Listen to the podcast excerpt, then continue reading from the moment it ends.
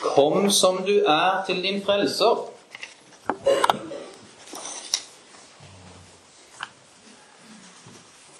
Hvorfor vil lenger du leve borte fra livet i Gud? Vi skal ha, lese litt og snakke litt om Joab. Og Joab, han levde livet sitt nær renselseskilden i Davids hus. Han levde nær den, men likevel utenfor den. Måtte ikke det bli skjebnen for oss? At vi levde vårt liv nær renselseskilden, men likevel utenfor den. Skal vi be?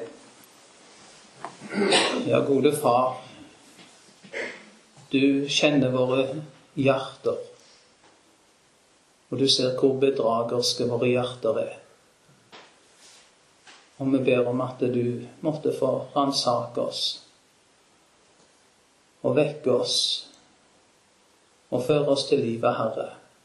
At vi ikke måtte bedra oss sjøl og bli stående nær, men likevel utenfor. Og Herre, måtte du få føre oss inn i denne renselseskilden i ditt blod, Jesus. At det kunne vært vårt, være vårt liv og vårt håp. I Jesu navn. Amen. Vi begynner med å lese i første krønikebok, kapittel 11.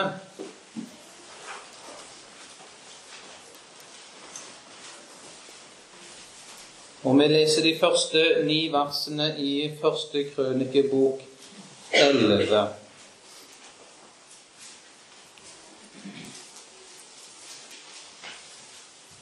Så kom hele Israel sammen hos David i Hebron og sa:" Vi er jo av samme kjøtt og blod som du. Altfor lenge siden, mens Saul var konge, var det du som førte Israel ut og inn.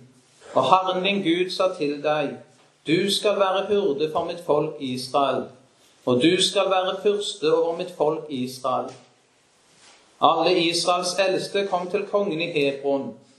Og David gjorde en pakt med dem i Hebron for Herrens åsyn. De salvet David til konge over Israel etter det ord Herren hadde talt til Samuel.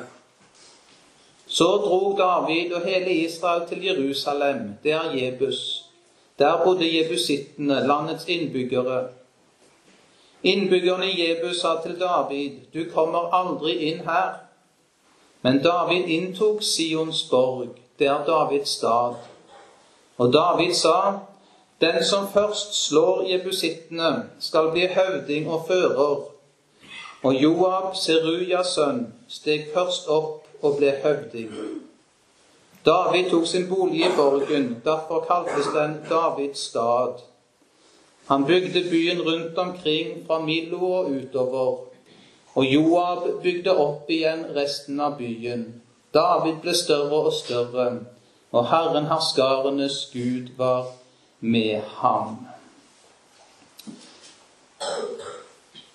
David blir konge over hele Israel, inntar Jerusalem.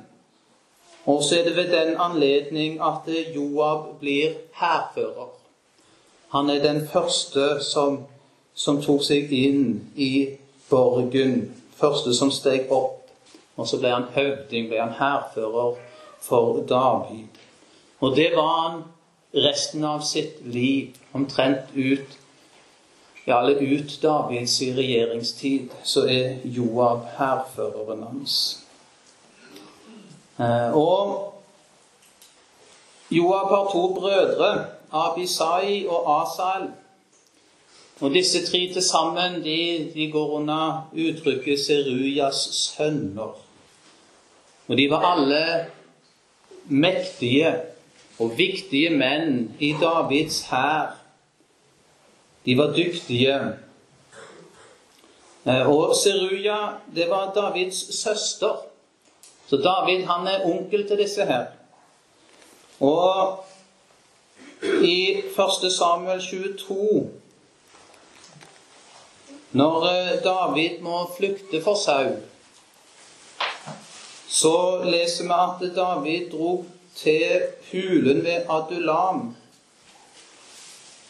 Da hans brødre og hele hans fars hus fikk høre det, drog de dit ned til ham. Så når David må flykte, så leser vi at eh, hans fars hus kommer til ham. Og kanskje da Seruja og hans, hennes sønner er med herifra. Og I tilfelle så skjønner vi at Joab og Abisai og Asael de har fulgt David hele denne lange perioden. Og Joab, han er klok.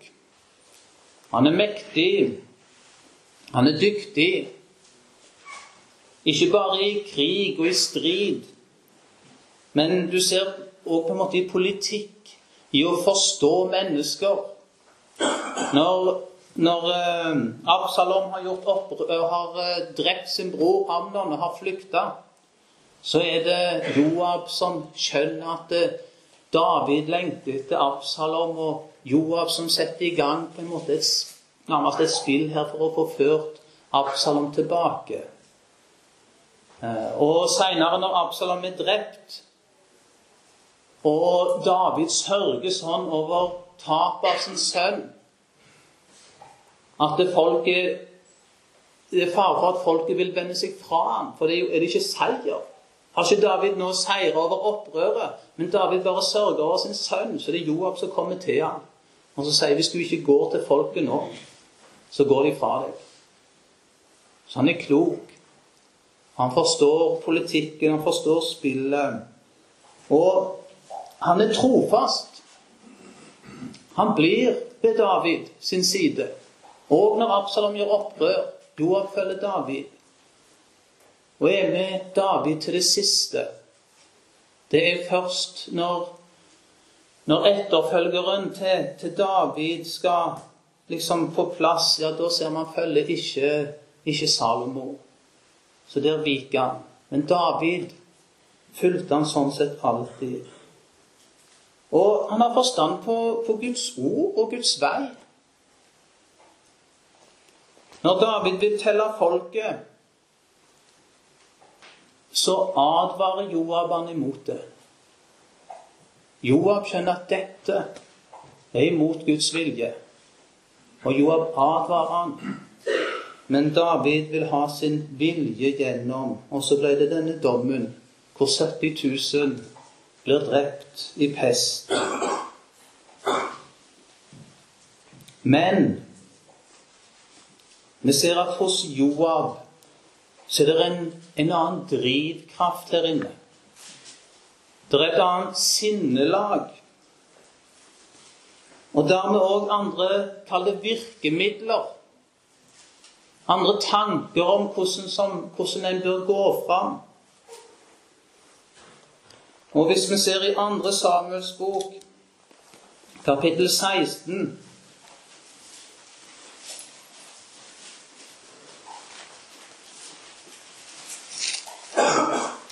Og i vers 10. Dette i forbindelse med Absalom sitt, sitt opprør. Men nå var det bare denne ene setningen vi skulle ta fram. Andre Samuel 16, vers 10. Men kongen sa, altså David, hva har jeg med dere å gjøre, Serujas sønner? To ganger sier David det på den måten. Hva har jeg med dere å gjøre, Serujas sønner? For de har ikke noe, det er ikke noe troens samfunn. Det er ikke det samme sinnelag og samme tanke. Disse tjener midt i Guds folk, og de er mektige, har posisjoner. Men det er ikke i sannhet Herren de tjener, men de tjener seg sjøl. Vi leste fra Salme 25 om å vente på Herren eller å være troløs. David Han utmerker seg med at han venta på Herren. Satte sin lit til ham. Sånn er det ikke med disse Serujas sønner. Sånn er det ikke med Joab. Nei, de tar saken i egne hender. De er troløse. Og så skulle de bli til skamme, leste vi Salme 25. Og noen eksempler de må vi bare ta litt raskt nå. Men eneplassen kan vi slå opp og lese litt. Og Da slår vi opp i 2. Samuels bok, kapittel 3.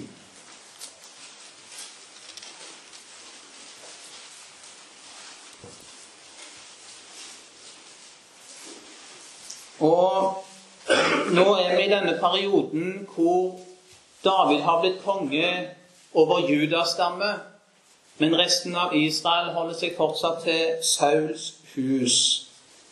Men så leser vi der sant, i vers 1 at uh, krigen mellom Sauls hus og Davids hus ble langvarig. David ble sterkere og sterkere, men Sauls hus ble svakere og svakere. Og så skjer det at uh, Abner, som hadde vært sausen hærfører, og som nok den som i realiteten hadde mye av makten i Israel, han, han kommer til David og, og sier at jeg, jeg, skal få folket inn under deg. Så det går mot, går mot en fred, går mot at, at hele Israel nå skal legges under David. Men når Abner kommer til David, så er ikke Joab i byen. Han er ute. Og så leser vi fra vers 23 i 2. Samuels bok kapittel 3, vers 23. Da når Joab og hele hæren som var sammen med ham, kom hjem, fikk Joab høre at Abner, Ners var kommet til kongen, og at kongen hadde latt ham fare og at han var dratt bort i fred.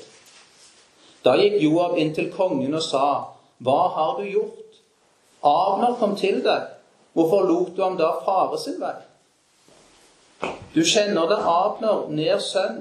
Du må da vite at han har kommet for å narre deg, og for å få rede på all din ferd og alt det du gjør.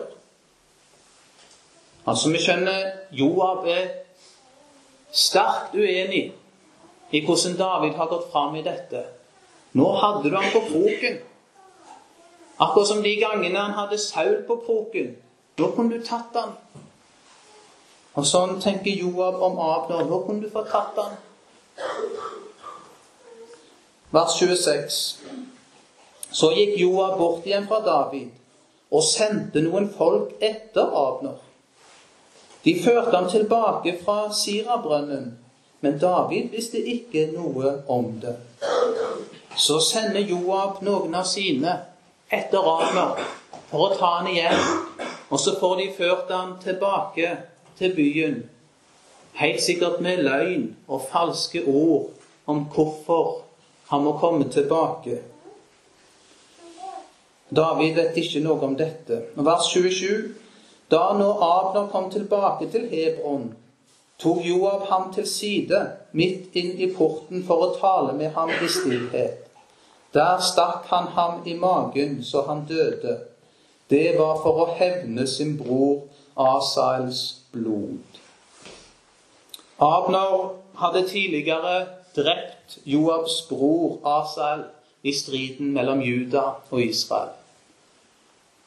Og nå ser Joab sitt snitt til å få hevne sin bror og til å bli kvitt en utfordrer for hans posisjon.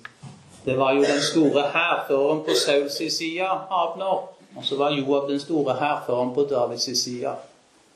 Og så ved løgn og lureri så tar han livet av Abner. Og så leser vi de siste versene i kapittelet. For David, han, han eh, skjønner at dette er ikke bare galt, men det er òg farlig for, for, dette som nå er i ferd med å skje. At Israel skal unna David. For uh, folket vil lett tenke at det er David som står bak dette. Men vi leser bare siste to versene nå. Og kongen sa til sine menn Vet dere ikke at en høvding og stor mann er falt i Israel på denne dagen? Men jeg er ennå svak og bare salvet til konge. Disse menn, Serujas sønner, er mektigere enn jeg. Herren skal gjengjelde den som gjør ondt, det onde han gjør. Så ser vi det at David han, han klarer å få folket til å forstå at det var ikke han som sto bak dette drapet. Men samtidig så David er liksom ikke i posisjon til å kunne straffe Joab for dette drapet. Joab er for mektig for han. Og så sier han at Herren skal gjengjelde den som gjør ondt, det onde han gjør. Og så synes det jo som om Joab han har lyktes på sin troløshetsvei. Fått sin hevn, blitt kvitt sin fiende, og ingen kan straffe ham. Men så sier Guds ord at den troløse skal bli til skamme. Og så leser vi ikke noe om det, men nevner det bare. Absalom, Davids sønn, som gjør opprør. Når det blir strid mellom Davids menn og Absalom sine menn, så sier David, 'Far forsiktig med den unge mannen, med Absalom'. Og så er det at Absalom han rir i skogen, og så hekter håret hans Han hadde mye hår. Hekter det seg i et tre. Han blir revet av, av dyret sitt og blir hengende etter håret i et tre, helt hjelpeløs. Og så kommer Joabs menn over ham og vil ikke drepe ham. For David har jo sagt 'vær varsomme med Absalom'. Men Joab tar tre spyd og kjører i ham. Så var han kvitt Absalom. Og seinere, når de skal prøve å føre folket sammen igjen For det var jo blitt vanskelig nå med dette opprøret med Absalom. Så er det han som hadde vært hærfører for Absalom i opprøret, Amasam. David snakker vennlig med han og taler om at du skal få bli min hærfører, og søker liksom å, å få samle dette igjen. Og der òg ser Joab sitt snitt til å få tatt livet av Amasa. Så dreper han ham òg. Og David synes ikke han er i stand til å kunne straffe. Så vi ser på den ene sida trofast mot David. Følger David. Viktig i byggingen av Davids rike. Viktig i hæren. Men samtidig et annet sinnelag. Tjener ikke Herren, men tjener seg sjøl midt i Guds rike. Og så går vi til første kongebok, kapittel to.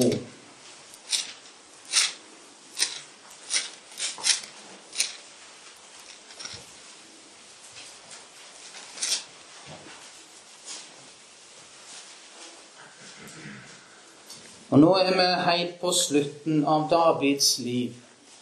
Og Salomo er salva til ny konge, til å følge etter David. Og så er det at eh, David taler med sin sønn nye kongen Salomo. Og så er det noen ting han tar opp med Salomo, og bl.a. tar han opp forholdet med Joab. Og vi leser vers 5 og 6 i første kongebok 2. David som sier til Salomo, du vet hva Joab, Serujas sønn, har gjort mot meg. Hva han gjorde mot begge Israels hærførere, Abner, Ners sønn, og Amasa, Jeters sønn. Han drepte dem og utløste blod i fredstid som om det var krig. Han lot det komme blod på beltet han hadde om livet, og på skoene han hadde på føttene, som om det var krig. Gjør derfor som din visdom lærer deg, og la ikke hans grå hår fare med fred ned i dødsriket. Så David ber rett og slett sin sønn og nye kongen Salomo Du må gi Joab den straff som han fortjener for sine ugjerninger. Og så leser vi videre fra vers 29. Det ble meldt kong Salomo at Joab var flyktet til Herrens telt og sto ved alteret. Da sendte Salomo Benaya, Jojadas sønn, av sted og sa, Gå og hogg ham ned. Da Benaya kom til Herrens telt, sa han til ham, Så sier kongen, gå bort herfra. Men han sa, Nei, her vil jeg dø. Og Benaya bar bud tilbake til kongen og sa, Så sa Joab, og slik svarte han meg. Da sa kongen til ham, Gjør som han sier, hogg ham ned og begrav ham. Så frir du meg og min fars hus fra det uskyldige blod som Joab har utøst. Herren skal la hans blod komme tilbake på hans hode, fordi han hogg ned to menn som var rettferdigere og bedre enn ham. Han drepte dem med sverdet uten at min far David visste om det. Abner ned sønn, Israels hærfører, og Amasa Jeters sønn, Judas hærfører. Deres blod skal komme tilbake på Joabs hode og på hans etterkommeres hode til evig tid. Men over David og hans etterkommere og hans hus og hans trone skal Herrens fred bli til evig tid. Så gikk Benaya, Jojadas sønn, opp og hogg Joab ned og drepte ham. Og han ble begravet ved sitt hus i ørkenen. Joab dør under dommen over hans ugjerninger. Dommen over hans troløshet. Dommen over hans egenrådighet. Og det var en dom som skulle være over hans etterkommeres hode til evig tid. Og så får vi med en gang kontrasten. Men over David og hans etterkommere og hans hus og hans trone skal Herrens fred bli til evig tid. Og vi tar med fra 2. Samuel 23.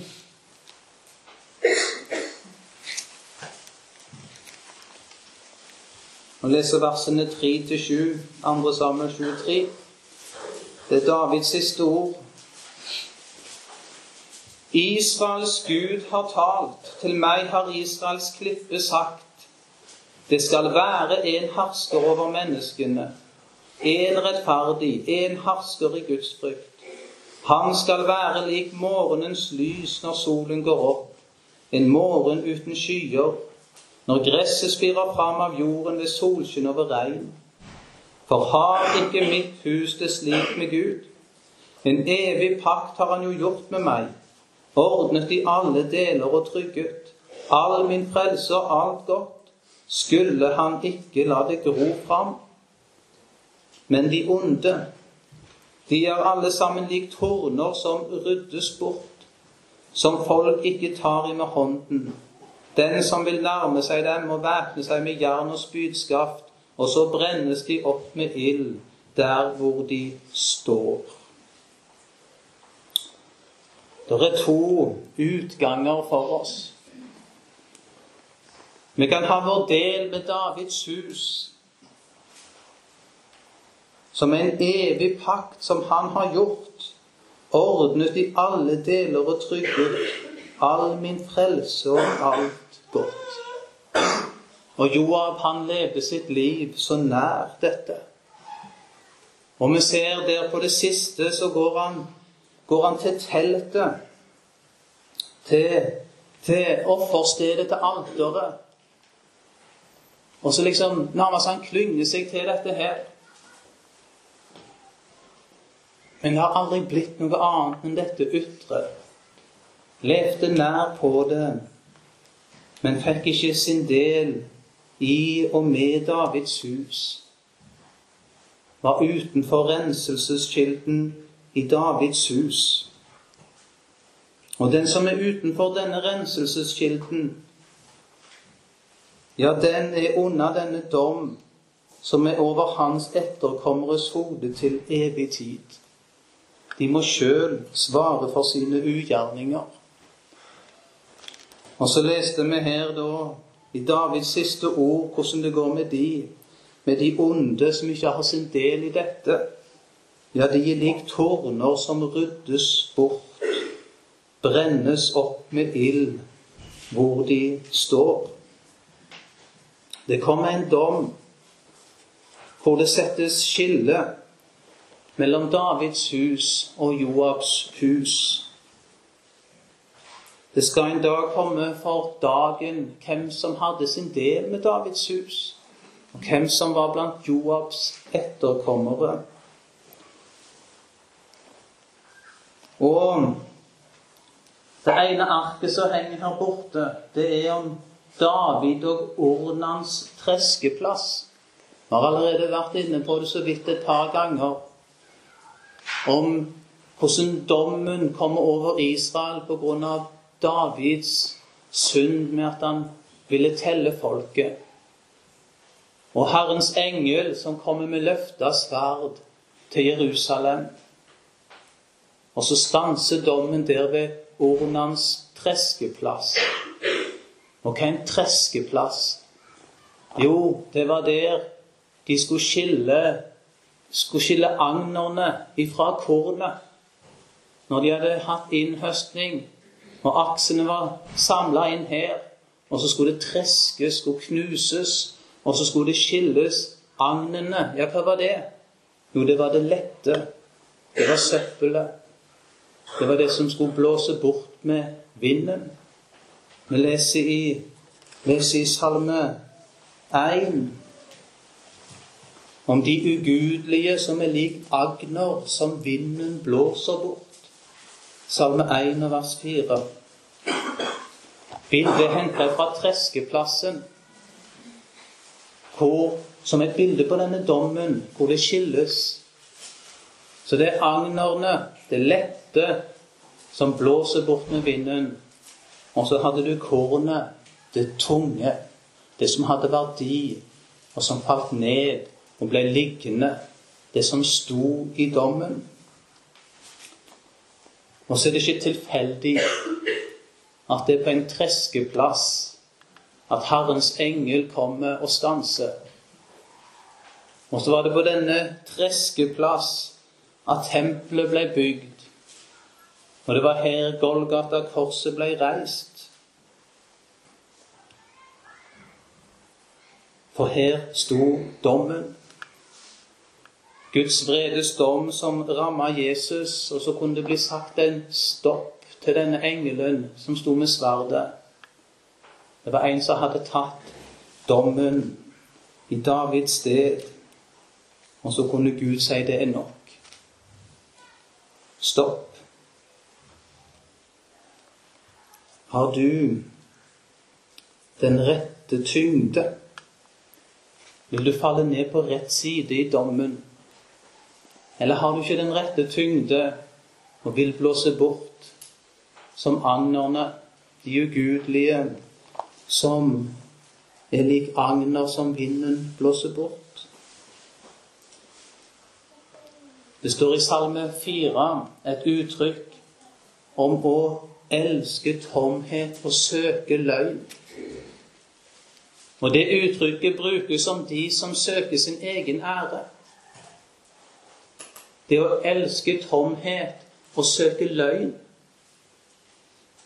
For du kan ikke finne og oppnå den tyngde som står i dommen. Om du skulle oppnå aldri så mye ære Joab oppnådde makt, posisjon, ære.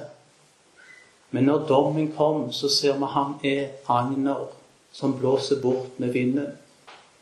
Og så sier Guds ord at det å søke sitt eget, å søke sin egen ære, ja, det er å elske tomhet. Altså tomhet. Hva tyngde er det i tomhet? Nei, det er ikke noe tyngde i tomhet. Å søke sin egen ære og elske tomhet, og det å søke løgn. For vi eier ingen ære. Nei, vi er under dommen. Og Joab han var trofast mot David, men i alt han gjorde, så var det seg sjøl han tjente. Sin egen ære og sin egen posisjon. Og så hadde han sett David som sitt beste kort, og så fulgte han David. Er det dette du søker hos Jesus? Er han ditt beste kort for å søke din egen ære?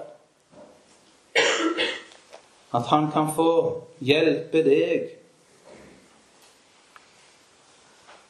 sånn at du kan vinne ære og være noe. Følger du han så langt det tjener deg sjøl og til din egen ære, er det å elske tomhet og søke løgn. Din ære, den fikk sin dom på Golgata, og den var brutal. Det var ingen ære, det var vanære, og det var død og evig mørke, Guds vrede. Men David han hadde funnet sin ære i en annen. Han ble gjort æreløs sjøl. Og her i tiden så mista han sin ære. Men så hadde han funnet sin ære i en annen. Og så sier han i Salme 3 og vers 4.: Du er min ære, den som løfter opp mitt hode. Du er min ære, den som løfter opp mitt hode. Og hør så fint siste setningen i Salme 2 om Sønnen. Salige er alle som tar sin tilflukt til ham. Salige er alle som tar sin tilflukt til ham. Koret sang her tidligere i kveld, i ettermiddag. Takk, Jesus. Takk fordi jeg får gå fri. Og hvorfor får du gå fri? Jo, for du har tatt en tilflukt til ham. Salig er alle som tar sin tilflukt til ham. Du er min ære, den som løfter opp mitt hode. Ja, kjære Jesus, så ser du hvordan det er med oss. Og du ser hvordan vi alle ting traktes etter vår egen ære og vårt eget navn og vår egen posisjon. Og så ber vi om at vi måtte la det få gå med i dommen over oss. At det kunne få vi kunne få legge det av i Golgata kors og ha vår ære i deg alene, Jesus. Og vi takker for at alle er salige som tar sin tilflukt til deg. Amen.